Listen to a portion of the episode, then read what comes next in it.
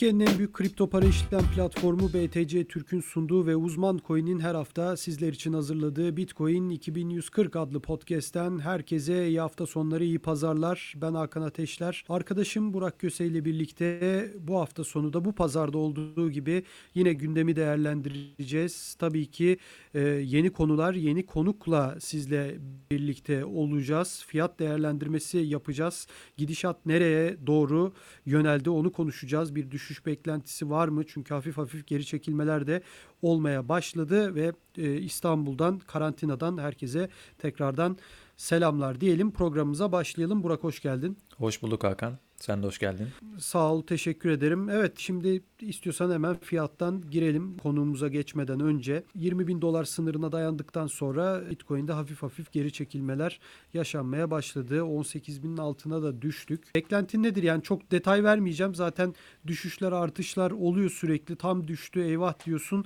toparlıyor. Hemen 18 bin 200, 300, 400'e doğru gönderiyor. E, ama çok da üstüne çıkabildiğini görmedik. O 19 bin dolarlar seviyelerine pek geri gelemedik. Sen neler söylemek istersin hem kısa hem uzun vadeli olarak? E, açıkçası şimdi e, 20 bin doların üzerini ben hala bekliyorum bu arada. Çünkü Bitcoin fiyatı tamam yani 20 bin doları gördü güzel ama çok da şey yapmadı. Çok büyük bir satış yemedi açıkçası yani 14 bin dolarları bekleyenler var. Henüz 18 bin doların üzerinde şu anda 18 bin 400 dolarda en son baktığımda fiyat. Yani önümüzdeki dönemde artık bu Aralık ayı içinde çok kestiremiyorum ama e, yani 20 bin doların üzerinin çok böyle uzak olmadığını düşünüyorum açıkçası. Yani belki bir ay belki iki ay içinde orayı göreceğiz mutlaka. Belki bu ay içinde de görebiliriz. Çünkü Bitcoin fiyatından aslında biraz bağımsız olarak ama Bitcoin fiyatıyla yine doğrudan ilişkili bunlardan birkaç gelişme yaşandı geçtiğimiz günlerde. Bunlardan en önemlileri MicroStrategy'nin hamlesiydi elbette. Her podcast'te MicroStrategy'yi konuşuyoruz ama öyle adımlar atıyorlar ki konuşturuyorlar kendilerini. En son ilk önce 400 milyon dolarlık tahvil ihraç edeceğiz, Bitcoin alacağız demişlerdi. Sonra bu rakamı 550 milyon dolara çıkarmışlardı ve en son tahvil satışlarının tamamlandığını ve 650 milyon dolar topladıklarını açıkladılar. 650 milyon dolar bir gelir elde ettiler buradan. Yani bu önümüzdeki günlerde 650 milyon dolarlık Bitcoin alımı yapacaklar anlamına geliyor. Bunun fiyata yansımasını göreceğiz. Yani Tabii... onu Twitter'da ben de gördüm ama şunu sorayım yani o kesin mi? Yani oradan elde edilen o gelirin tamamıyla bir Bitcoin alımı gerçekleşeceği kesin mi? Yani %100 650 milyon dolarla alınmayacak net gelir demişler ama net gelirin ne olacağı hmm. kesin değil. Yani biz 650 milyon dolar üzerinden konuşmak durumundayız. Burada net geliri bilmediğimiz için artık ya bu, buna çok da yani mesela 650 milyon 300 milyon dolar olacağını sanmıyorum yani 650 milyon dolar hani belki 550 olur 600 olur buralarda olur diye tahmin ediyorum. O yine de çok önemli bir gelişme. Çok önemli ki. bir adım. Yani burada tabii şu da önemli. Bunu hangi periyot içinde yapacakları önemli. Uzun vadeye mi yayacaklar? Birkaç haftada veya birkaç günde mi bitirecekler? Bunları bilmiyoruz. 650 milyon dolar çok ciddi bir rakam. E, bunu şu şekilde daha net anlatayım. Şimdi biliyorsun her gün 900 Bitcoin üretiliyor. Evet. Haftada 6300 Bitcoin üretimi var. Aya vurduğumuzda 25 Bitcoin yapıyor bu yaklaşık. Yani bu bile mevcut fiyatlarla 460 5 milyon dolara denk geliyor. Yani MicroStrategy'nin 650 milyon dolarlık alım yaparak e, bir buçuk ayda üretilen miktar kadar Bitcoin alacağını söyleyebiliriz. Tabi bu sırada sadece bunlar mı alım yapacak? Hayır. Doğru. Bunun PayPal'ı var, işte Grayscale'i var, e, Bitwise fonu var yeni piyasaya sürülen. Özetle önümüzdeki süreçte yani görülüyor ki talebin üretime göre önden gitmeyi devam edeceği açık bence. Yani sürpriz bir olay da yaşanmazsa bunun da fiyattaki karşılığı elbette yukarı yönlü olacaktır. Tabii yani hep seninle konuşuyoruz. Psikolojik de bir durum. Bu gerçekten hani insanlar bu şirketlerin alım yaptığını gördükçe etkileniyorlar. Şöyle söyleyeyim. İşte hafta içi zaten linkini sen bana göndermiştin. YouTube'da Binance e, CEO'su CZ ile e, işte Michael Saylor e, bir nasıl diyelim bir program yaptılar. İki kişi evet. yani üç kişi bir, bir de moderatör vardı ve gerçekten güzel de bir programdı. Çok basit konuştular. Çok öyle hani teknoloji teknik konulara girmeden herkesin anlayabileceği çok güzel bir programdı ve yani onu izleyince bile hani böyle e, hafif hafif gaza geliyor insan. Yani ben de gidip alsam mı diye sana da yani yazmıştım özellikle mesaj olarak yani evet. insan iyi hissediyor kendini sürekli yani bu şey de değil. Sürekli boş ve içi, yani içi boş olumlu yorumlar yapıyorlar da sen gaza geliyorsun değil. Tamamen kendi işte mesela CZ şunu anlattı. Geçmişte evini sattıktan sonra e, işte o zamanlar Bitcoin 600 dolarmış.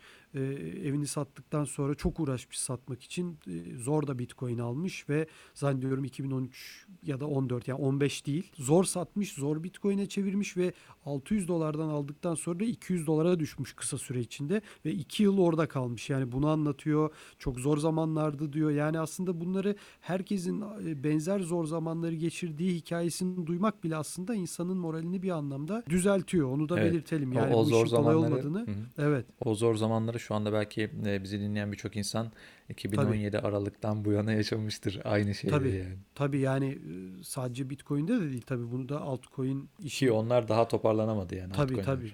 Tabii yani işin altcoin kısmı bambaşka hikayelere sahiptir. Yani bu işin psikolojik kısmı çok ayrı. İşte biraz önce e, yine bizim gibi podcast yapan bir İngiliz işte Peter McCormack var mesela.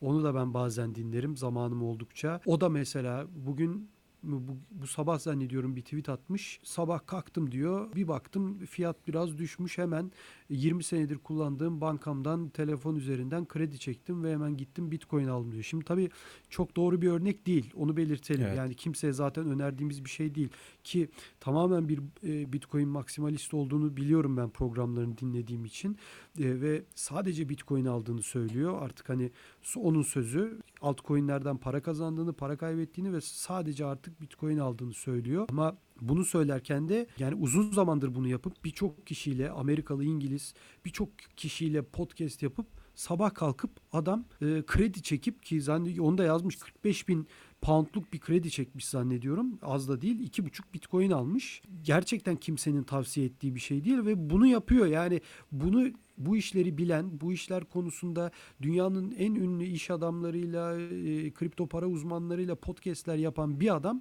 sabah kalkıp gaza gelip kendi yatağının içinde yani cep telefonundan kredi çekip bununla bitcoin alabiliyor ve fiyat 18 bin dolar. Evet. Yani evet. bu gerçekten mantıklı bir şey değil ama işin psikolojik kısmının nerelere geldiğini anlatmak için aslında bu örneği verdim. Pek de o kadar gaza gelmemek lazım en azından. Her zaman söylediğimiz gibi seninle küçük küçük ama sürekli olarak alım yapmak hem psikolojik açıdan hem herhalde maddi açıdan daha sağlıklı. Kesinlikle e, aynı şekilde düşünüyorum ben de. Yani artık bu devirde e, yani bizi bizim podcastlerimizi dinleyen insanlardan çok yani kurumsal şirketler sanki bir böyle FOMO'ya kapılmış durumdalar. Doğru. Çünkü e, burada hemen bir parantez açarak birkaç gün önce 1851'de kurulmuş bugün 170 yıllık bir şirket olan e, Mass Mutual'ın bir e, 100 milyon dolarlık Bitcoin alımı yaptığının da altını çizelim. Yani bu, bu da bu da çok ciddi bir hamleydi. Yani şirket 1850'den bu yana devam ediyor. Yani bunlar artık Bitcoin alıyorlar. Artık o iş e, tamamen bireysel yatırımcılardan çıktı. E, böyle e, köklü, öngörülerine güvenilen şirketlere kaldı. Ee, şimdi ben sana şunu sormak istiyorum. Geçtiğimiz programlarda da aslında bunu hani Venezuela'dan El Sultan Bitcoin katılmıştı bizi hatırlıyorsun. Çok Evet, güzel bir evet. podcast o da yaz aylarında. Ona da sormuştum aynı soruyu ama sana tekrar soracağım. O programı da dinlemesini takipçilerimizin ben öneriyorum. Gerçekten çok o da Venezuela'daki son durumu ve e, birçok teknik konuda e, bize açıklamalarda bulunmuştu. Anlatmıştı oradaki durumları da ama sana şunu soracağım. Bu kadar şirketler alıyor. Yani Evet. e, MicroStrateji alıyor, PayPal alıyor ve e, açıkçası satmadıklarını da biliyoruz. E, şimdi işte Mass Mutual diyorsun. Bütün bunlar alıyor da bu Bitcoin fiyatı şimdi neden yükselmiyor diyeceğim. Diyeceksin ki bana yükseldi ya işte 19 bin dolarlara gitti ya diyeceksin ama ben Evet. sana yani şunu soracağım. E, Geçmişte de işte Bakt oldu, Fidelity oldu. Yani bütün bunlar alırken de çok da yükselmedi. E şimdi baktığın zaman bütün bu kurumsal şirketler alırken bu kitleler, kalabalıklar en azından çok küçük bir kalabalık bile yani halk tabanlarından bahsediyorum. Hı hı. Neden hala girmekte şüphe ediyorlar sence? Şöyle diyeyim. Ya 2000 artışın iki- çok daha sen- fazla olması evet, gerekmiyor mu onu sormak şimdi- istiyorum evet, yani. Doğru doğru anlıyorum ben seni. 2017 ile biraz karşılaştırıyorsun. 2017'de ama 2017'de hala çok ciddi bir yükseliş vardı o dönem. Yani yılın başında 750 dolarla başladı Bitcoin. Yani 20 bin dolara çıktı ve e, daha önce de söylediğim gibi böyle durmaksızın yükseldi. Şimdi ortada böyle bir daha önce birçok insan zaten yani o zamanlar Bitcoin'le çok sayıda şu anda piyasada olan insanların %70'i belki o zaman tanışmışlardı. Belki de %80'i. E, Bitcoin'in tabii çok geçmişini bilmiyorlardı. E, Bitcoin'i çok böyle incelemiyorlardı. Sadece işte 2017 yılında 750 dolardan 20 bin dolara çıktığını gördüler. Ama e, ondan sonra ne oldu? Bitcoin fiyatı 3000 dolara düştü. Yıllar boyu insanları süründürdü resmen. Yani birçok insan çok büyük paralar kaybetti. Tabii. İnsanlar bunu deneyimlediler, bunu yaşadılar. Bitcoin'in ne kadar e, riskli, korkutucu olabileceğini gördüler. E, yani bir laf var ya işte e, sütten ağzı yanan pek buraya biraz uymuyor ama. E, doğru, doğru. Evet. Yoğurdu üfleyerek yer. Aynen, aynen. Yani biraz şimdi e, o, o nedenle bir belki şey olabilir, çekimsellik olabilir de ben yine şeyi bekliyorum yani. Bu, bu, bu dalga gelecek, bu bunu bundan eminim. E, ne zaman gelecek? Yani 25 bin doları falan gördükten sonra herhalde o dalganın geldiğini göreceğiz diye tahmin ediyorum. Yani tabii şimdi de birçok insan geliyor ama 2017'ye göre çok böyle şey e, daha böyle kısıtlı bir kesim şu anda piyasaya geliyor. Ama 20 bin dolar açtıktan sonra ben e, gerçek dalgayı göreceğimize inanıyorum. Yani bu seviyelerden Bitcoin almayanlar muhtemelen 40 binden belki 30 binden 50 binden almaya başlayacaklar. E, ondan sonra da tekrar aynı hikayeleri duyacağız muhtemelen. Yani peki şimdi o, o da psikolojik yani gerçekten 30 bin 40 bine gittikten sonra geçtiğimiz programlarda da bunu konuşmuştuk. Bizim bile hani sırf psikolojimizi böyle bir bastırmak için biz bile alabiliriz yani almış olmak için anlatabiliyor muyum? Öyle bir FOMO çünkü o. Tabii, tabii, Hele hiç olmayan varsa Hı-hı. tamamen böyle e, iyice gaza gelip alabilirler. Çünkü gerçekten gaza geliyorsun işin e, bunu hep konuştuk ama işin dezavantajı olan kısmı şu sürekli telefonda elinin altında sürekli bilgisayarda ekranda yani sürekli anlık şekilde ulaşabiliyorsun. Bu aslında yani tabii ki genel açıdan iyi bir şey ama yani 30 binden 40 binden de aldıracak şekilde de dezavantaja çevirebiliyor durumları insana. Hı hı. Yani o anda e, sinir oluyorsun işte biraz önce dediğim gibi yani adam e, sabah kalkıyor 45 bin sterlinlik, poundluk kredi çekip bankasından bu işe girebiliyor. Yani bu çok normal bir şey değil. 30-40 bin eğer dediğin gibi olursa ki 30'u 40'ı da geçtim. Yani 22-23'ten sonra da e, çok başka formalar yaşanabilir. Ama ben şunu soracağım. E, şimdi tamam 2017 ile tabii ki fiyat açısından kıyaslıyoruz birçok şeyi. Evet. Ama o zaman bir arkamızda e, bu işin arkasında böyle bir nasıl diyeyim sana e, kurumsal destek yoktu ki. Yani evet. bu çok ilginç geliyor bana. Hani şimdi kurumsal yani insanlara aslında insanlara güven veren bu kurumsal şirketler olmalı.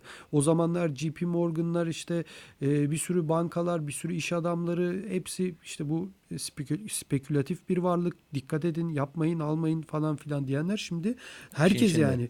Tabii CEO'lar diyor ki ben fikrim tabii fikrim değişti diyor adam şimdi.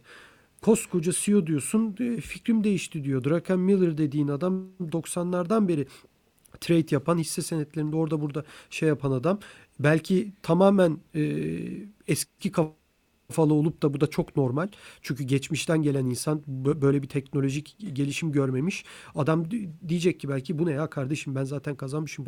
Ama böyle demiyor. Adam diyor ki benim de fikrim değişiyor galiba diyor. Yani evet. koskoca iş adamları CEO'lar bunu söylemeye bu... başlıyor artık. Arkasında bir desteğin bence hani daha kısa sürede olabilmesi lazımdı gibi geliyor bana. Ee, pek göremedim ben onu. Yani altta halk tabanında göremedim o desteği ki pandemi dönemindeyiz. Enflasyon dönemindeyiz. Para basmaların e, işte quantitative easing lafıyla aslında biraz sanki çok daha normal bir şey değilmiş gibi gösteriliyor para basmalar. Böyle iyi bir şeymiş gibi gösteriliyor. Yani evet, evet. bakın ne güzel quantitative easing falan hani e, şimdi Avrupa Tabii tabii tabii. Yani Avrupa'da da şimdi biliyorsun e, son Reuters'da ben bu sabah gördüm açıkçası. Avrupa Birliği de onaylamış 2.2 trilyon euroluk zannediyorum. Pardon dolarlık 1.8 trilyon euroluk bir e, stimulus yani e, hı hı. destek paketini yorum şey yapmışlar, onaylamışlar. Yani bu işin böyle bir ortamda uçması gerekiyor gibi geliyor bana. Ee, yani ben Aynı soruyu sordum ama ısrarla evet, yani, yani altın doldurmak açısından. Anlıyorum. Ee, yani şimdi burada aslında bir hikaye lazım olacak muhtemelen bize. Bu ne olacak? Ee, belki önümüzdeki sene bir Bitcoin ETF onayı olabilir. Çünkü altın ETF piyasaya sürüldükten sonra altında çok ciddi bir fiyat artışı yaşan yaşanıyor. E, altın işte çok rekor seviyeleri çıkıyor böyle. Şu an kaç kat hatırlamıyorum ama ciddi bir rally yapıyor o dönemde. Aslında Bitcoin ETF için de bu yolun taşları da döşeniyor. Döşendi. E, Birçok önemli gelişme oldu zaten sürekli bahsediyoruz bunlardan. Ee, önümüzdeki sene belki bir Bitcoin ETF'i onayı görebiliriz. Bir Bitcoin ETF'inin piyasaya sürüldüğünü görebiliriz. Ee, böyle bir şey yaşandığında muhtemelen e, o, o zaman fiyat da bununla beraber bir patlama yaşayabilir ve gerçek o insanların geldiğini, akın akın geldiğini bence o zaman görebiliriz. Yani böyle bir senaryo da var önümüzde. Evet konuğumuza da geçebiliriz yavaş yavaş. Tabii altcoin'leri de konuşuyoruz. Konuğumuzla da konuşuruz ama yani altcoin'ler e, dipsiz bir kuyu olduğu için e, konuş konuş bitmez. Zamanımız da çok yok. Ama yine zaman ayıracağız. Bu haftaki konuğumuz hepimizin son dönemde ismini çokça duymaya başladığı Sosyoz'un Türkiye direktörü Altuğ Öztürk. Altuğ hoş geldin programımıza. Merhabalar. Merhabalar, hoş bulduk. Teşekkürler davetiniz için. Biz teşekkür ederiz. E, hemen istiyorsan e, şuradan başlayalım. Yani çok fazla sorumuz var tabii ki. İşin futbol kısmı ayrı, işin token kısmı, e, teknik kısmı var. Ama e, şuradan bir en baştan giriş yapalım. Herkes son dönemde Sosyoz'un e, dünyanın en önemli takımlarıyla, Türkiye'nin en önemli takımlarıyla yaptığı anlaşmaları duyuyor. E, isminizi gerçekten tüm dünyada e, çok fazla duyurdunuz ve insanlar e, gerçekten konuşuyor sosyozu. E, tokenları konuşuyor, Chili'si konuşuyor. E, şimdi buradan başlayalım istiyorsan. Sosyoz nedir? Sen nasıl iletişim kurdun mesela Alexander Dreyfus'le? Türkiye'ye yatırımları nasıl karar verildi? Sen işin içinde miydin? Neler söylemek istersin? Tabii ki çok güzel bir soruyla başladık aslında. E, Sosyos tanım olarak da aslında bir topluluk demek. İspanyolcadan geliyor. E, Sosyos işte Barcelona'nın Real Madrid'in zaten hali hazırda olan e, topluluklarından esinlenilmiş bir platform. Taraftar etkileşimi üzerinde kurulmuş bir platform. Hı hı. E, ve taraftar etkileşimi üzerinden de kulüplerin e, para kazanmasını sağlayacak, işte dijital dönüşümünü sağlayan e, bir bakıma da e, bir köprü diyebiliriz. Taraftar ile kulüp arasındaki bir köprü diyebiliriz. E, Sosyos'un oluşumu 2 yıl, 2,5 yıla dayanıyor. 2 yıl önce 66 milyon dolar yatırım almış bir şirket aslında. E, Alex de daha önceden poker tarafından geliyor. E, biliyorsunuz belki Global Poker Index'in de sahibi aynı zamanda. Evet. Farklı inovatif poker turnuvalarıyla da bilinen bir kişi. E, benim tanışmam nasıl oldu? Alex'i ben Twitter'dan ekledim. Ya aslında şöyle birazcık daha geri saracağım. Üniversitede ben master'ımı yaparken e, master tezimi blockchain'in futbol üzerinde yaratabileceği değer üzerine bir konu üzerine yazdım. Aslında tamamen e, hmm. konum buydu yani. Sosyos gibi dijital paralar, dijital varlıklar oluşturarak kulüpler nasıl değer yaratır üzerineydi. Sonra da İstanbul'da e, Co-Op'un yaptığı bir etkinlikte hatta Galatasaray'ın şu anda da pazarlama müdürü olan e, Doruk da oradaydı. O da e, sahnede e, izleyiciler arasındaydı. Orada Sokka adında bir proje sundum. Orada ikinci olmuştuk. Yine çok benzerdi Sosyos'a. Neyse ben tabii nasıl yaparız, nasıl ederiz? Ee, tabii Türkiye'de biliyorsunuz yatırım almak çok zor. Özellikle yeni böyle fikirlere e, çok sıcak bakmıyor e, yatırım şirketleri. Yabancı tabii. sermayede girmekte çok çekiniyor özellikle. E, tabii bir şekilde olmadı yani bizim hiç ileriye doğru ilerleyemedik öyle söyleyeyim. E, fakat ben Sosyos'u sürekli takip ediyordum. Her arkadaşlarım hep bana yolluyordu çünkü aynı şeyler üzerine çalıştığımız için. Hep Sosyos'un işte e, fuarlardaki standlarını yolluyorlardı vesaire. Ben de bir gün Alex'e e, Twitter'dan mesaj attım. İşte e, Türkiye tarafında eğer çalışmak isterseniz yardımcı olabilirim vesaire diye. Aslında gönüllü bir tweetti. Yani hani zaten ben Politika'nın da ortağıyım biliyorsunuz. O konuda da e, Politika'da çalışıyordum o sıralar ama e, Sosyos'a çok ilgimi çekiyordu. İlk tweetime cevap vermedi tabii. Sonra bir tweetini daha gördüm. Türkiye ile ilgili bir paylaşım yapmıştı hatta.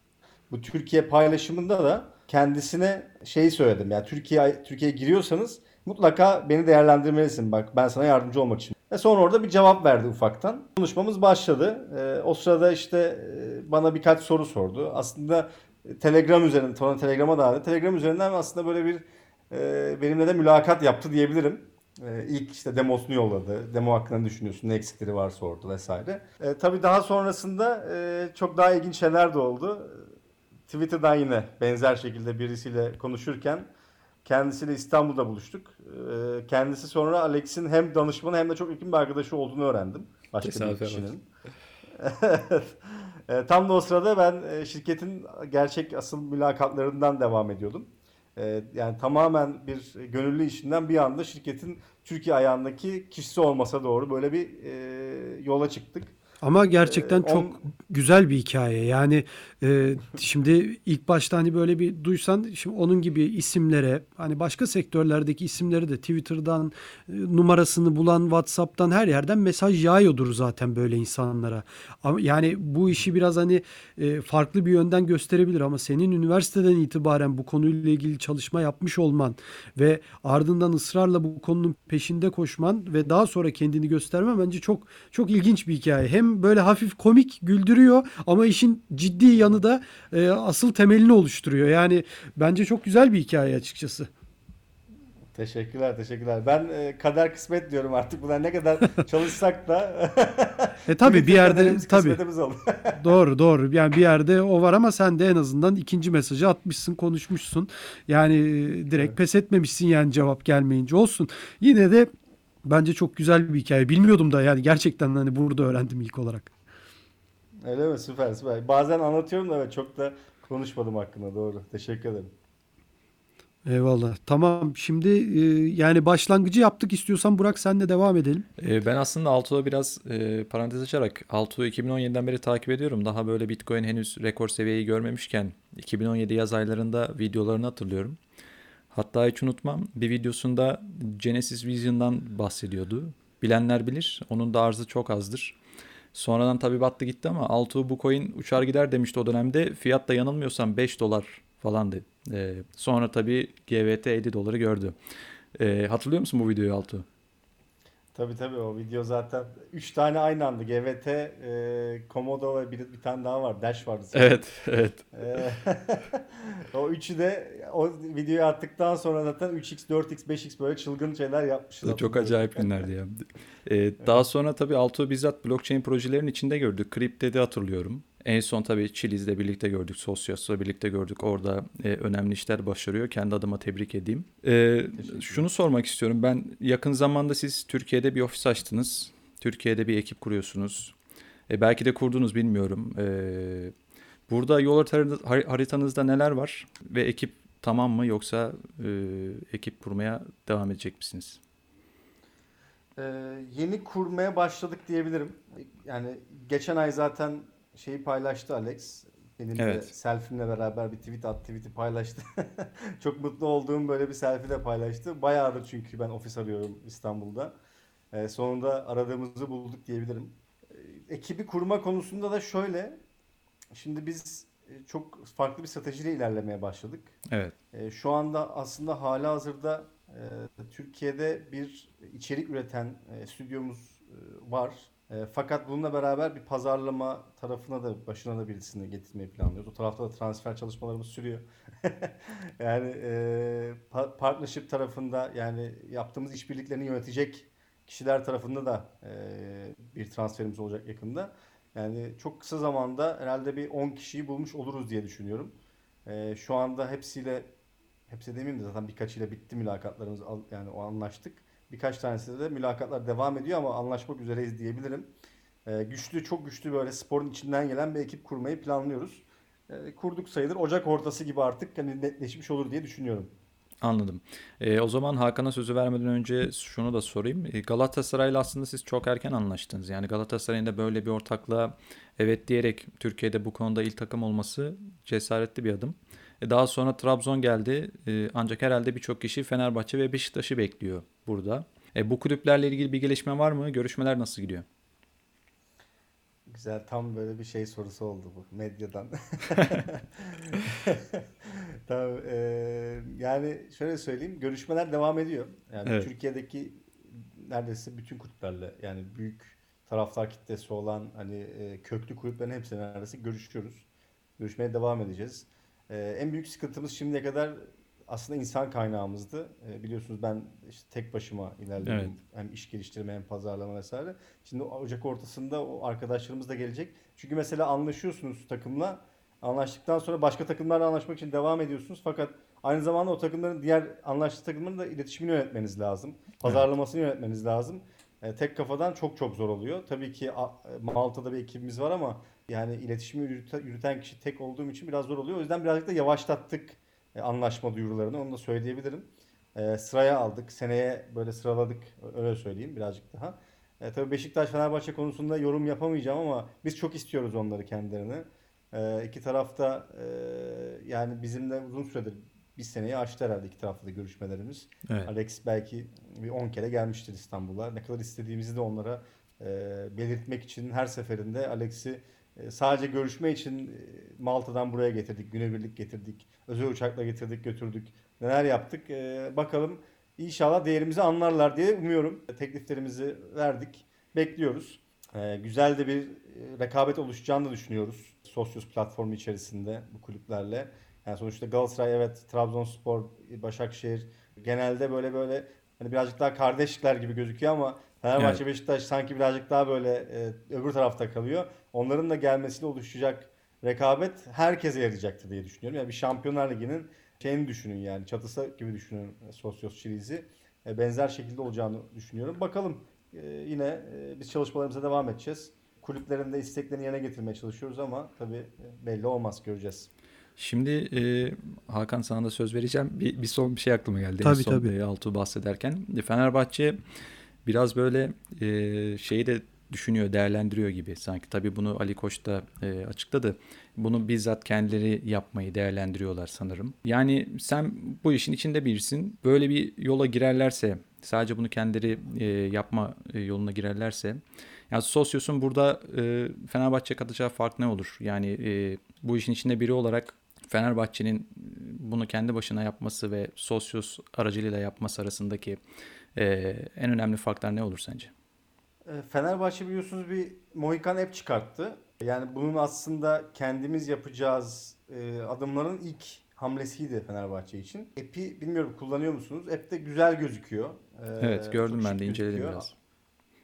Ama şu arkasında inanılmaz bir iş yükü var. Yani bir app çıkartmak öyle hani evet e, kolay gözüküyor ama onun sürdürülebilir olabilmesi, devamlı geliştirilmesi, içerisindeki içeriklerin sürekli update, e, güncel kalması mesela bunlar gerçekten büyük iş yükü. E, bunun bir de ekstra e, çok ayrıca bilinmesi gereken bir kripto tarafı da var. Blockchain tarafı, tarafı da var. Evet. E, bu da uzmanlık isteyen bir taraf yine aynı şekilde. E, bunun için ayrı bir ekip kurulması gerekiyor. Yani işte Fenerbahçe Mohikan app'inde KNRY ve e, bir de bir ta- FB Coin FBC var. FBC, iki evet. tane şey var. Bunları puan olarak nitelendirmişler. Yani kendileri evet yapabilirler. Yani bunda hiçbir şey yok, engel yok. Ekipleri varsa niye yapamasınlar? E, ayrı bir tabii ki yatırım gerekiyor. E, onu da yapabilirler. E, fakat şunu söyleyebilirim. E, kulüplerin bunu kendileri yapması aslında hani sanki kendi liglerini oluşturması gibi benzer e, şekilde aynı iş yükünü, aynı e, operasyonu gerektir- gerektiriyor. Ya biz şu anda 75 kişiyiz Sosyos'ta. Tamamen bu işe odaklanmış bir ekibiz. Bizim bizim biz bu işin uzmanıyız. Biz bu, bu işin profesyonelleriyiz. Uzmanı yaptırmak var, bir de kendi yapmaya çalışmak var. Bu bir birinci özellik diyebilirim farkımız. İkincisi e, global bir kitlemiz var. Yani şimdi bizim verilerimize baktığınız zaman e, biz bunu da paylaşıyoruz bazen. Sosyal medyada da paylaşıyoruz. Bir tane taraftar token alan kişi gidiyor en az %75'i bunların e, ikinci bir taraftar token daha alıyor. %50'si üçüncü bir taraftar token daha alıyor. Yani Hatta- burada aslında bir network efekt de var. Buyurun. Hatta Galatasaray'ın token'ına da e, yan- yanılmıyorsam e, onlarca ülkeden katılım olmuştu. Belki yüzün üstündedir bilmiyorum tam emin değilim sayıyı. Galatasaray'da 60 62 ülke, e, Trabzonspor'da 106 ülke.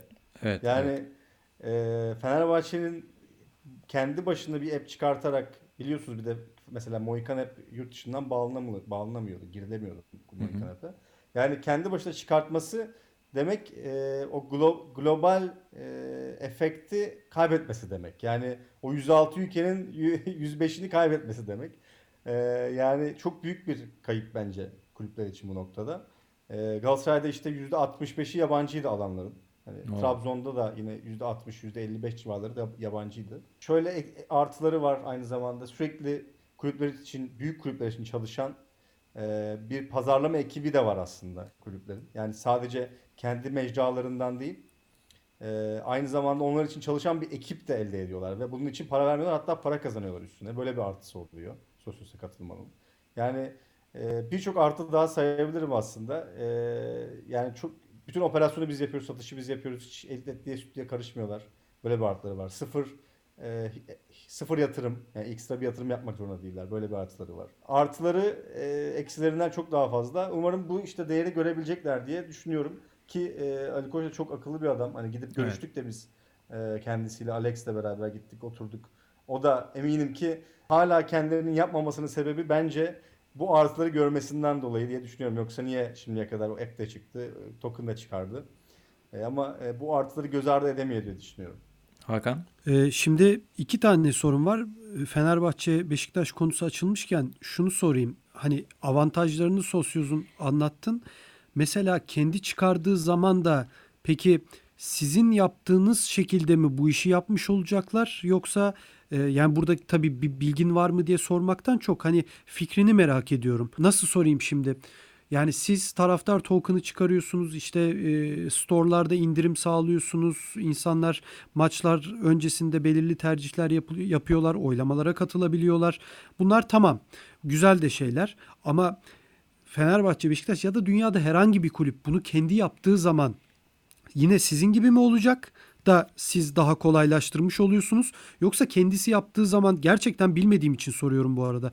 Yani bambaşka bir e, dünyaya açılmış da oluyor? Mesela ne bileyim Fenerbahçe kendi coin'ini çıkardığı zaman mesela bu bambaşka avantajlar getirir mi onlara ya da kendi yapmasının e, ne avantajı olabilir de ısrarla acaba burada bekliyorlar e, bazı konularda yavaş davranıyorlar. Yani tam sormak istediğimi anlatabildim umarım. Anladım, anladım. Çok güzel anladım. Ee, Yani illa mesela bir- sosyoz değil de başka sosyoz B mi olacak ki Fenerbahçe mesela sizden bu anlamda yardım alması daha önemli diyorsun. Da ya aynı işi mi yapacak ki sizle sizi tercih etmesi daha kolay olsun yoksa kendi yaparsa acaba bambaşka mecralara mı belki de taraftar token'ı e, çıkacak ama işte bu oylamaları yapmayacak. Bambaşka bir mecra olacak token'ı bambaşka yerlerde kullanacak. Acaba onun için mi bekliyor? Gerçekten bilmediğim için soruyorum bu arada. Bir bilgim yok çünkü. Çok güzel bir soru bence. Ee, biz bu konuyu da hem e, Beşiktaş'la hem Fenerbahçe'de hem farklı kulüplerle görüştüğümüz farklı kulüplerle tartıştık. Genelde kulüplerin kafasında şöyle bir şey var. Taraftar tokenları, biz fan tokenları diyorlar ki Evet. e, hepsinde hep, hepsinin şeyi şu. e, biz bunları alışverişte kullandırtacağız. Hepsinin e, ilk bakış açısı bu. E, ya bu sadece Beşiktaş Fener üzerine de değil. Yani başka kulüpler de aynı şekilde düşünüyor. Storlarda alışverişte kullandırsak nasıl olur? İşte şurada alışverişte kullandırsak nasıl olur? Yani bize göre şu anda Türkiye'de bile biliyorsunuz TL'yi kullandırmak bile kişilere zor. Yani insanlar dolar istediği için, dolar aldığı için TL kullanmak bile istemiyorlar. Hani dolar dominant bir e, para birimi. İnsanlar neden mesela Galatasaray token'la ödeme yapsın? Ne gibi bir faydası olacak konusunda hep bir bizim bir şüphemiz var. Yani biz TL'ye, dolara e, veya işte Bitcoin'e bir rakip çıkartmayı düşünmedik hiçbir zaman. Yani çünkü bu bir para ödeme, değer transferi aracı olarak e, kurgulamadık biz bunu. E, takımlar ilk başta hep bunu kurguluyorlar. Yani bunu biz bir para çünkü kripto para diyoruz ya. Kripto para olduğu için aslında bunun bir değer transferi olarak kullanılabileceğini düşünüyorlar ama e, biz bunu Evet. çok zor görüyoruz. Yani bunu hata olarak görüyoruz açıkçası. Ve bunu açıklamaya çalışıyoruz. Yani bir kullanım alanı olacaksa bu değer transferi olarak değil. Bu işte sizin taraftara vereceğiniz söz hakkı, sizin taraftara vereceğiniz ödüller, indirimler vesaire buralarda kullanılabilir ama yani şöyle düşünün mesela store'larda Galatasaray token kullanılmaya başlandı. Artık gidip taraftarlar store'larda Galatasaray tokenlarla forma alabiliyor dediniz. E tamam e, ta- ta- takım bunu ilk başta store'dan alınan forma için normalde TL alıyor. Şimdi Galatasaray token alacak diyelim. Peki bu Galatasaray token'ı sonra tekrardan TL'ye çevirmesi lazım takımın ki e, ya da dolara çevirmesi lazım ki işte maaşları ödesin. Neler yapsın. Bunun için de çok yüksek, çok büyük bir likidite ihtiyacı var. Ve bu likidite de şu anda olmayan bir şey aslında. Bizim de ön, e, bu listelemelerle, para bu listelemesiyle mesela Galatasaray'da böyle bir likidite sağlama amacımız vardı. Yani tokenların kullanım kullanımında iki tane önemli faktör var. Bir tanesi likidite %100. E, di- diğeri de e, tabii kullanım alanı. Ne gibi yerlerde kullanıyor?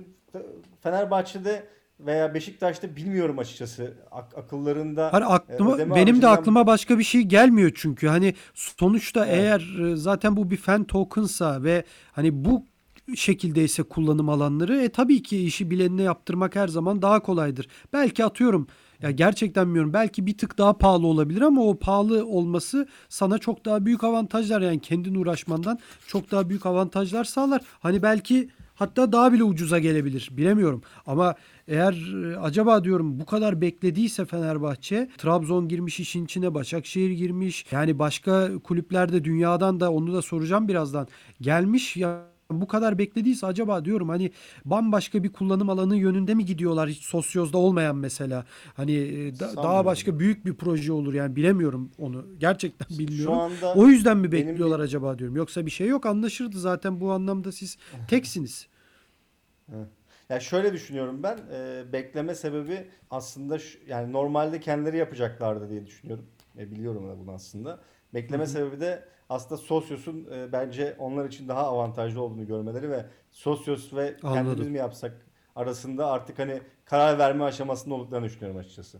Evet. Şimdi e, tabii işin artık e, Türk takımları konusunu biraz bırakalım. Çünkü o konuda açıkçası bitmez yani. Sabaha kadar konuşsak benim de aklıma zaten Burak da ben de e, spor medyasındaydık. Ben hala spor medyasının içindeyim. Hani e, o kadar çok aklıma soru geliyor ki bu takımlar konusunda seni de bıktırmak istemiyorum yani gerçekten e, sabaha kadar bitmez yoksa konu. Ama şunu sorayım. Mesela birçok takım var. Bakıyorum şu anda da. So Sosyos app'ini de açtım. Ee, şu hemen zaten kimlik doğrulamayı da yaptırmam lazım. Üşeniyorum onu da yaptırmaya çok uzun süredir. Ama yani e, şimdi bakıyorum e, burada ne var? Limassol takımı var. O da çok ilginç bir tercih. Güney Kıbrıs. E, Roma, Atletico Madrid, Independiente'ydi zannediyorum. Evet, Independiente, Barcelona yani Juventus baktığın zaman çoğu bunların e, Akdeniz takımı. Yani Independiente bir Güney Amerika ülkesi olmasına rağmen orada da Akdeniz iklimi var. Yani aslında çok benzer. Duygusal ülkeler, e, futbolu hayat tarzı yapan ülkeler, e, futbolla sevinen, futbolla üzülen ülkeler ve aslında baktığın zaman işin ekonomik para kısmına baktığın zaman da futbola doğru veya yanlış eleştiririz, beğeniriz ama futbola para harcayan ülkeler bunlar. Baktığın zaman herhalde bu seçimlerde yani İtalya'dan Novara bile var. Şimdi baktığın zaman burada Paris Saint Germain dışında e, Fransa'yı da çok az bilirim ben. Hani e, futbol sevilir ama mesela rugby daha çok sevilir Fransa'da. E, futbol öyle hani bizdeki gibi İtalyanlar gibi, İspanyollar gibi, Türkler gibi Fransızların çok da futbolu sevdiğini ben söyleyemem. Sevmiyor diyemem ama bizim kadar sevmiyorlar. E, ama tabii Paris Saint Germain'in olması ayrı. Şimdi bu kadar bu takım seçimlerinde acaba bu Akdeniz ülkesi olmalarının bir önemi, bir e, sıcak kanlı ülke olmasının sebebinin sebebi var mıdır? Yani bu takımların en azından destek olmak açısından fan tokenlara belki de gözü kapalı yatırım yapmak. Ya Yatırım yapmak da doğru değil aslında. Çünkü fan token'ını alan, gözü kapalı alan bir insan yatırım yapmak için almıyordur. Onu kulübüne destek vermek Doğru. için alıyordur. Yani e, bunun acaba etkisi oldu mu sizde? Tesadüf olduğunu pek düşünmüyorum bu seçimlerin çünkü.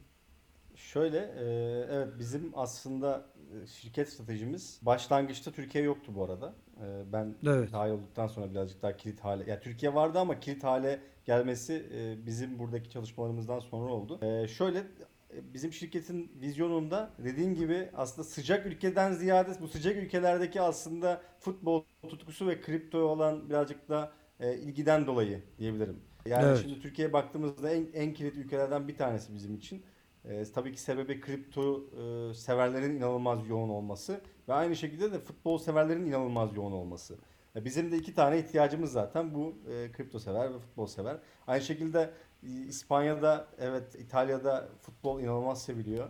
E, bizim de zaten e, şirket içerisinde de İtalya ve İspanya'da çok yakın bağlarımız da var. Bu sebeple de tabii e, kulüplerle anlaşmış e, bir e, şirketiz. E, Arjantin e, mesela şimdi Şili'den geldi. E, Üniversitat e, Şili takımı geldi. E, Brezilya'dan inşallah yakında kulüpler gelecek. Latin Amerika'da futbol severler inanılmaz yoğunlukta ve benzer şekilde kripto severler de yine aynı şekilde yükselişte. E, bu yüzden de e, bizim tabii e, hedeflediğimiz bölgeler oluyorlar. Futbolun yoğun olduğu, tabii ki insanların da sıcak bir şekilde e, bunları benimsediği ortamları tercih etmemiz doğru. Senin de dediğin gibi e, sebeplerden bir tanesi. Yani evet çok tesadüf gibi durmuyor. Peki yani buna tabii hep Akdeniz ülkesi falan dedik e, Türkiye olması durumuyla da ama yani Trabzon'da hani bir Karadeniz şehri belki deniz olarak bölge olarak bakmazsan ama Trabzon'un da ne kadar bu anlamda tutkulu olduğunu biliyoruz. Ee, hemen oradan sorayım. Madem hani Türk takımları konuştuk. E, Trabzon'dan ilgi nasıl? Yani hiç şehre sen gittin mi bu anlamda anlaşmalar yapılırken? Çünkü onlar da İstanbul'da yaşayan da çok ciddi şekilde bir Trabzon nüfusu var ve yönetimin de Trabzon'da ben sürekli İstanbul'a gelip gittiğini biliyorum. Hatta daha çok İstanbul'da kal- kalıyor bile olabilirler. Ee, o kadar çok geliyorlar İstanbul'a. Ee, Trabzon'la ilgili durum nedir? Ben bunu özellikle merak ediyorum. Çünkü Trabzon dünyada pek eşi benzeri olmayan kulüplerden bir tanesi. Hani Napoli bir denir. Trabzon neredeyse iki denir. Futbol başarısı anlamında söylemiyorum ama bir şehrin yani %99 şeklinde bir takımı desteklemesi aynı zamanda o şehirde de futbolun çok sevilmesi. Yoksa baktığın zaman nasıl diyeyim mesela Antalya'da da Antalya Spor var. Muhtemelen e, çoğu insan Antalya Sporludur ama hep bir ikinci takımları da vardır. Ve hani futbolda öyle hmm. hayat memat meselesi olmayabilir ama Trabzon'da öyle değil. Trabzon'dakilerin bir ikinci takımı yoktur. Napoli'dekilerin bir ikinci takımı yoktur. Ve bu şehirlerde de futbol gerçekten çok sevilir. E, bu anlamda da Trabzon'u ben e, sorulması sonra e, gereken bir soru olarak görüyorum. E, neler söylemek istersin? Oradan bu anlamda gelen ilgi var mı? Nasıl? Teknoloji anlamında ne düşünüyorlar? Fan token'ı dediğinizde şaşırdılar mı yönetim bazında? Şehir ne düşünüyor? Neler söylemek istersin?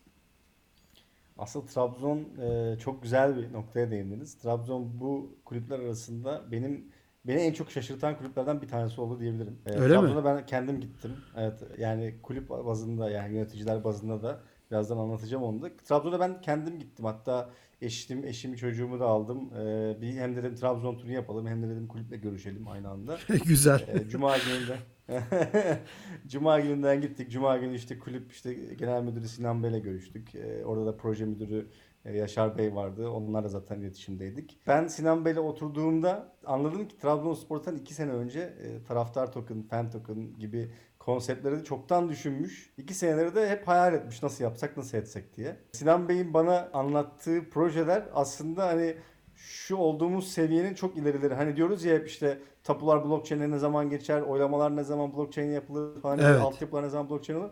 Trabzonspor bunu aslında hayal ediyormuş uzun zamandır. Bunu öğrendim. Çok enteresan. Çok ee, enteresan tabii. yani oradaki vizyonu gördükten sonra ben zaten Trabzonspor'a çok başarılı olacağımı düşündüm. E, Trabzonspor'la da çalışmak için aslında elimden geleni yaptım. E, çok da sıcak kanlı bir ekipleri var. Özellikle Yaşar Bey e, orada proje yöneticisi direkt bu Sosyos tarafında da e, bütün işi e, aslında yürüten kişi diyebiliriz. Bizim için e, kulüp içinde savaşıyor diyebilirim. Çünkü yeni bir şey. Evet hani bazı yöneticiler bunu daha önce düşünmüş olabilir ama e, tabii kulübün içerisinde e, bir şekilde onay alması, bir şekilde insanların bunu artık benimsemesi ve takımın kendi bir ürün olarak kabul etmesi zaman alacak bir şey. Ve şu anda da biz o eğitim kısmını e, evet biraz zorluklarla yaşayarak geçmeye çalışıyoruz ama e, başarılı olduğumuzu düşünüyorum. E, mesela bazı yöneticiler yönetim kurulundaki yöneticilerin Yaşar Bey aradığını, bize fan token hakkında bilgi verir misin dediklerini öğrendim son dönemde.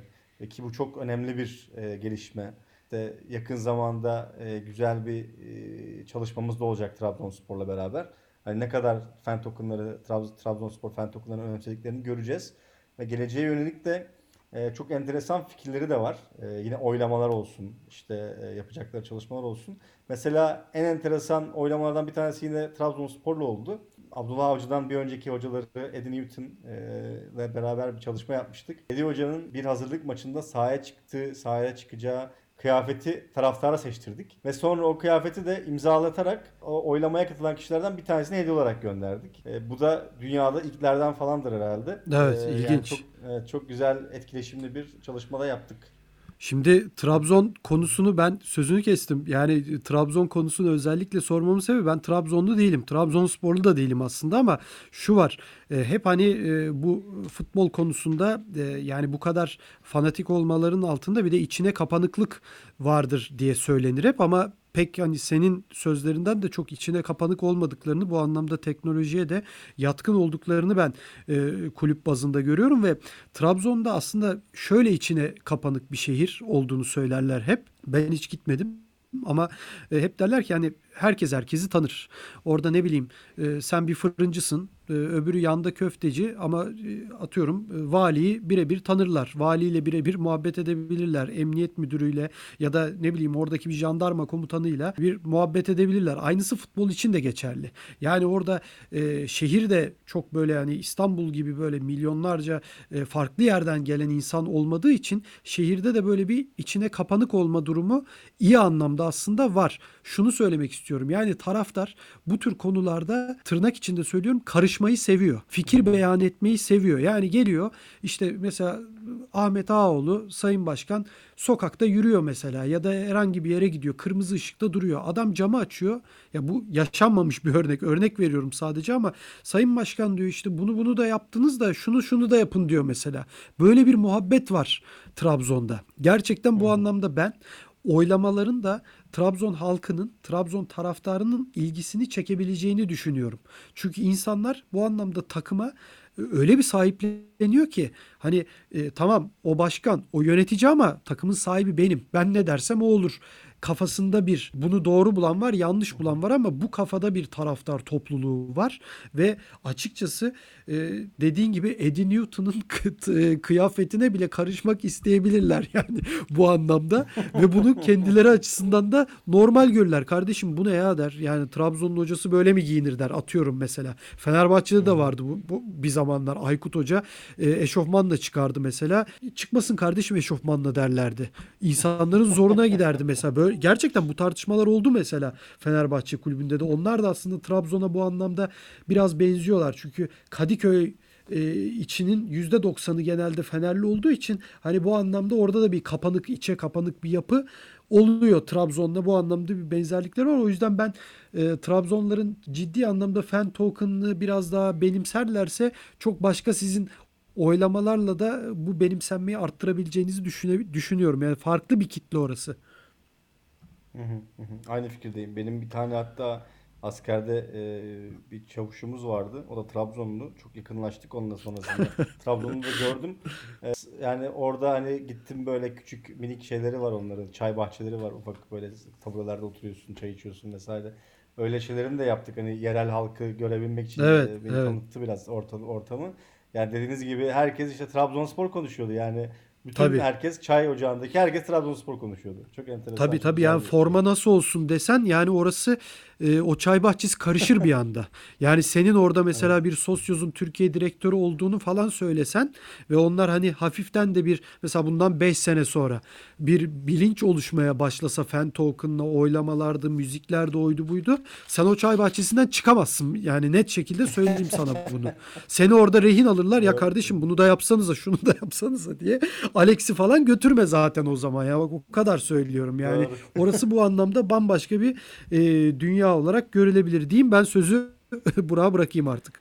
Ee, ben de şunu soracağım. Hakan'la biz daha önce bu e, podcastlerde de Sosyos'tan bahsettik. Hatta bir podcastimizde e, uzun uzun konuştuk e, bu oylama oylamalarla ilgili Hakan hatırlarsın. Evet evet hatırlıyorum Ee, tabii.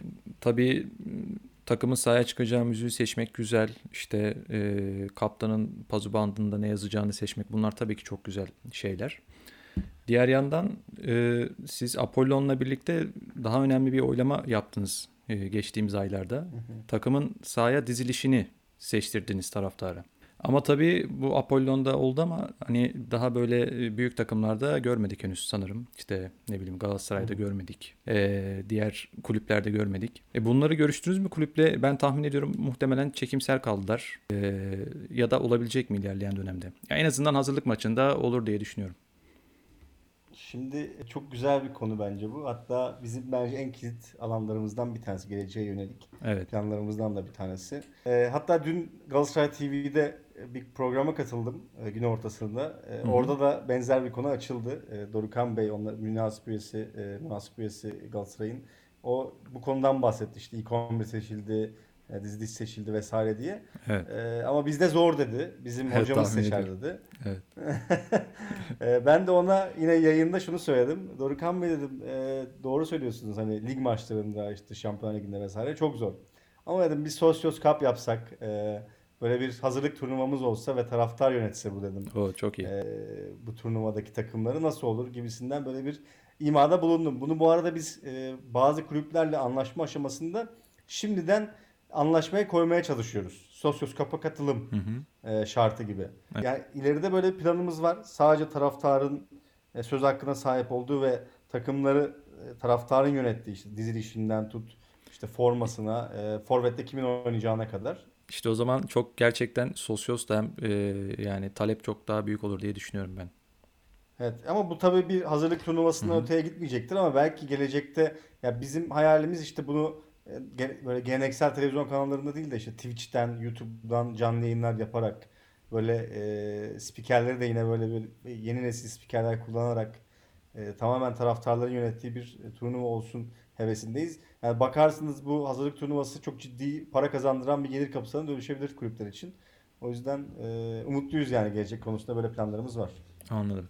Hakan belki senin bu konuda çok şey söyleyebilirsin. Sen de çok tartışmıştık bu konuyu hatırlarsın.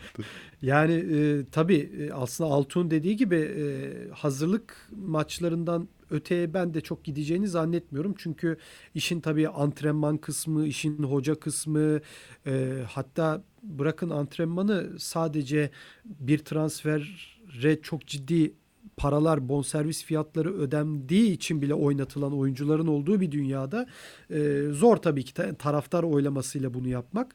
E, çünkü taraftarlar bu konuda biraz önce de hani Trabzon örneğinde verdiğim gibi özellikle bu konularda çok baskıcılar. Ben çok uzun yıllardır futbolu çok yakından takip eden biriyim.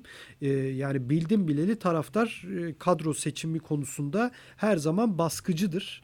E, o yüzden kulüp yönetimlerinin ben pek buna izin vereceğini zannetmem. Ama e, hocaların da isteyeceğini de zannetmem ama zaten mantıklısı da bir hazırlık turnuvasında bunun yapılmasıdır herhalde. Yani Şampiyonlar Ligi'nde ya da lig maçlarında bunun yapılması çok e, mantıklı zaten gelmiyor bana. Bunu Doğru. kulüpler e, kabul etmeyecektir. Ben hani Sosyoz'da zaten bu anlamda belki bir talepte de bulunmayabilir. Yani e, sonuçta kabul edilmesi çok çok imkansıza yakın bir durum ama bambaşka şeyler biraz önce Sosyoz turnuva dedi, Sosyoz Cup dedi. Yani bu çok doğru ve hazırlık turnuvaları ben şunu söyleyeyim spor medyasının içinde uzun yıllardır çalışan biri olarak da şunu söyleyeyim hazırlık turnuvaları göründüklerinden çok daha önemli turnuvalar hem kulüpler hem taraftarlar için. Yani e, maddiyat açısından da bu böyle. E, çok ciddi paralar var.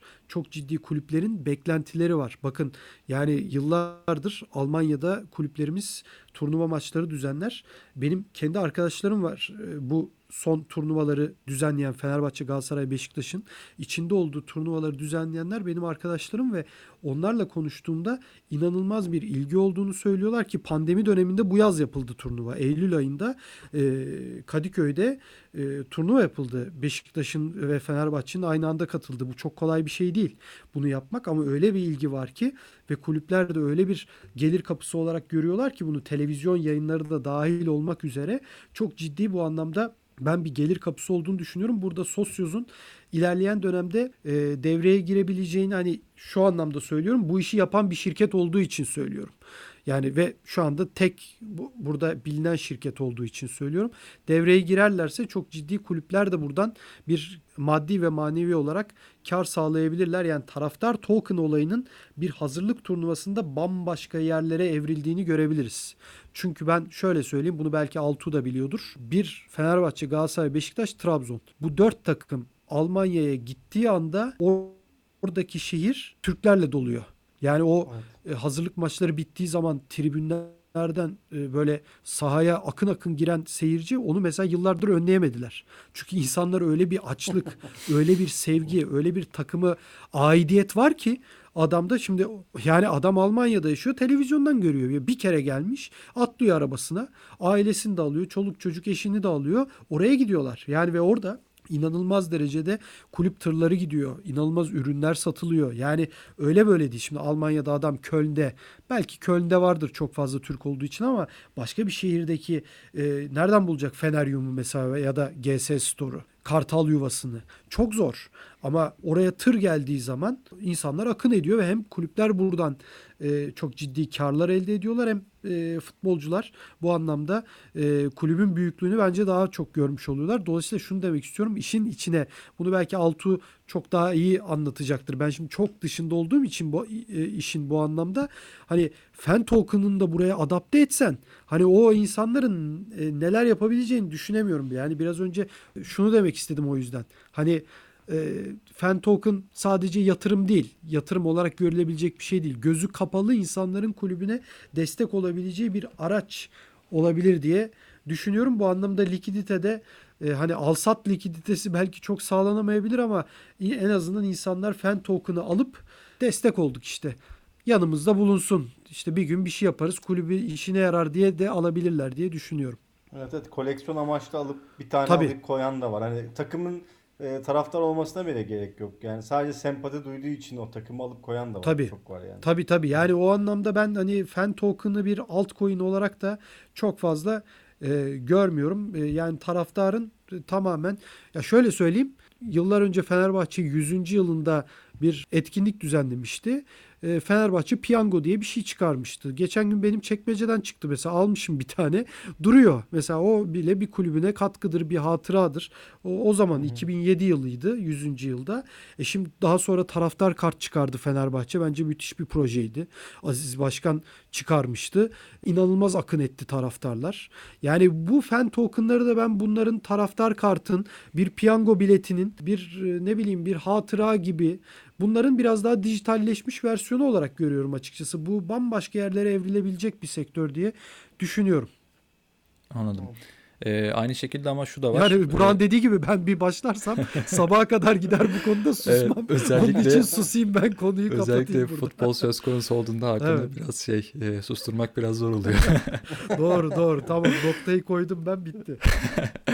Ee, şimdi tamam e, doğru koleksiyon olarak kullan, kullanılıyordur, kullanıyor, kullanılıyor olabilir. Hatıra olarak da kullanan insanlar elbette vardır. Ama e, ben gördüğüm kadarıyla bunu bir yatırım aracı olarak kullanan da e, önemli sayıda bir kitle olduğunu düşünüyorum açıkçası. Özellikle şeyi merak ediyorum. Mesela e, şampiyonluk olduğunda e, bu Galatasaray olur veya başka bir takım. O token'ın değeri nereye gider mesela? Bu- Bunu deneyimledik mi? Daha önce hatırlamıyorum ya e, geçen sene. Bilmiyorum. Geçen sene yoktu zaten. PSG'de PSG'de gördük. Ha, evet, Ee, evet. Şampiyonlar Ligi şeyinde teker teker yükselirken e, o elemeleri geçerken teker teker yükseliş devam etti coin token'ında da. Sonra da tabii sağlam bir düşüş gerçekleşti. Ee, Evet. Benzer şey Ba- Barcelona'da oldu işte. Ee, büyük büyük kayıp yaşadıktan sonra o büyük bir yenilgiden yaşadı ya ondan sonra Hı hı. ki düşüşü çok sert oldu işte. Messi haberlerinden sonra çok sert Ha, şey falan. Bayern Münih maçı zannediyorum 8-2 Bayern yenilmişlerdi. Sonra bayağı zaten Messi ayrılacağım ben gideceğim dedi. Ortalık karıştı doğru orada düşmüştür. Evet ya bu bu zaten o şey bayağı düştü o token. anladım. Yani borsada da zaten Galatasaray'ın hisseleri olsun, Fenerbahçe'nin hisseleri olsun böyle önemli galibiyetlerden sonra veya şampiyonluktan sonra orada da ciddi artışlar görülüyor. Yani borsada bu kağıtları oynayan insanlar Sosyos'ta gelip e, Chiliz.net üzerine gelip burada aynı aynı şeyi yapabilirler aslında. Aynı işlemleri yapabilirler. Bu açıdan da aslında önemli bir kullanım alanı yani bu bu tokenlar açıkçası. Galatasaray'da şey olmuştu. E, Muslera sakatlandığında sert bir düşüş yaşamıştık. Sonra zaten Şampiyonlar Ligi'nin şampiyonluğun gittiğini e, fark edince iyice böyle düşmeye başladı. Tutamamıştık hatta yani bayağı da sert düşüşler gerçekleşmişti. Evet evet bayağı da yansımaları oluyormuş e, direkt token'a. E, Hakan senin bu Sosyos'la ilgili veya fan tokenlarla ilgili başka sorun yoksa istiyorsan yavaş yavaş şeye geçelim. E, süremiz de azalıyor. Ben zaten hani çok uzun bu konu sabaha kadar bitmez. Özellikle ben konuşursam bu anlamda gerçekten e, çok bayağı e, şey olur. Altun da zaten e, çok fazla e, sözünü kesmeyelim ama son olarak Altuğ'a şunu sorayım. E, üniversitede de blockchain dedin. Yani çok erkenden genç yaşında bu tür konularda çalışmalar yapmışsın ama bir kişisel soru daha ben izninle sorayım sana.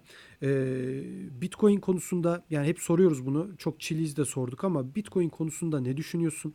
Genel bir fikrini alabilir miyiz? Yani bir dünya parası olacak diyenler var. Enflasyonu engelleyen bir koruma varlığı olduğunu söyleyen çok fazla insan var. Bu son artışlar ciddi şekilde işte kurumsal ilgi artmaya başladı. Senin Bitcoin hakkındaki fikirlerin nedir ve ne zaman tanıştın kripto paralarla? Onu da soralım sana. Güzel bir soru oldu. 2016 sonlarına doğru 3. 4. çeyreğinde tanıştım ben. Bitcoin'in. Aslında ikinci çeyreğinde tanıştım ama ciddiye almamıştım. Fiyatın yükseldiğini gördük, görmeye başladıktan sonra ciddiye almaya başlamıştım. Evet.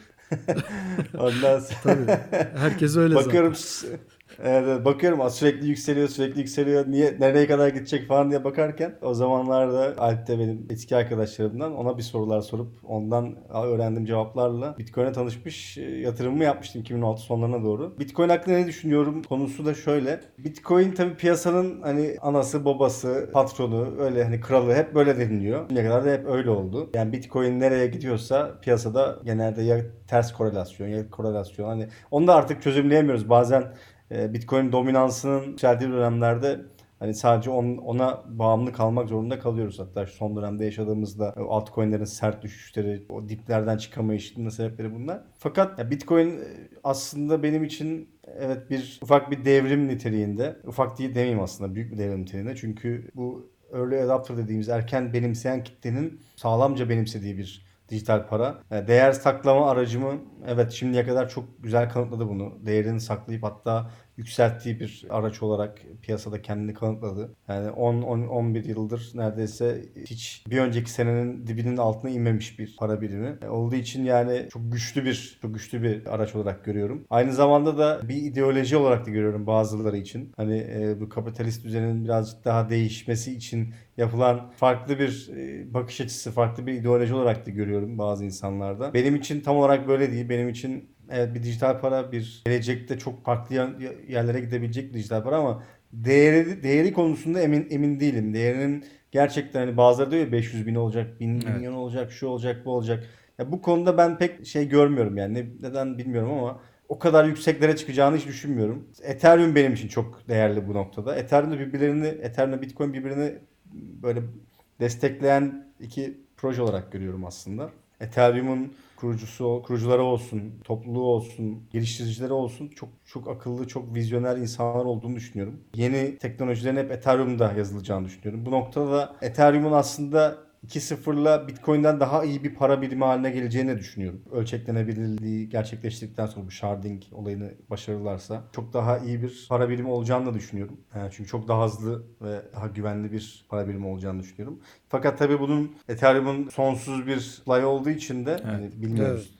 O, o konuda da biraz tabii çekinge, çekingeler var ama yine stakingle bu supply'ın azaltılması, işte ondan sonra yine stakingle beraber verilen ödüllerin birazcık daha azaltılması konuları da devreye girdiğinde bu enflasyonun da yine belli bir ölçüde dengelenebilir bir hale geleceğini düşünüyorum. Çünkü enflasyon aslında ihtiyaç. Çünkü e, bir şey tamamen çok sınırlı olduğu zaman bu sefer aslında birazcık da şey oluyor. Denge kaybı oluyor. Mesela ilk Bitcoin alanlar binlerce Bitcoin'i 100 liraya alabiliyordu yani. yani bin, bin liraya alabiliyordu. Yani Şu para anda ödemiyordu. Siteye giriyordu. Musluklar vardı. Heh.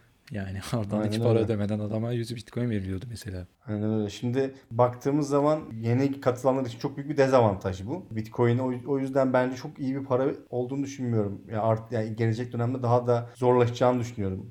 Yeni, nesiller için.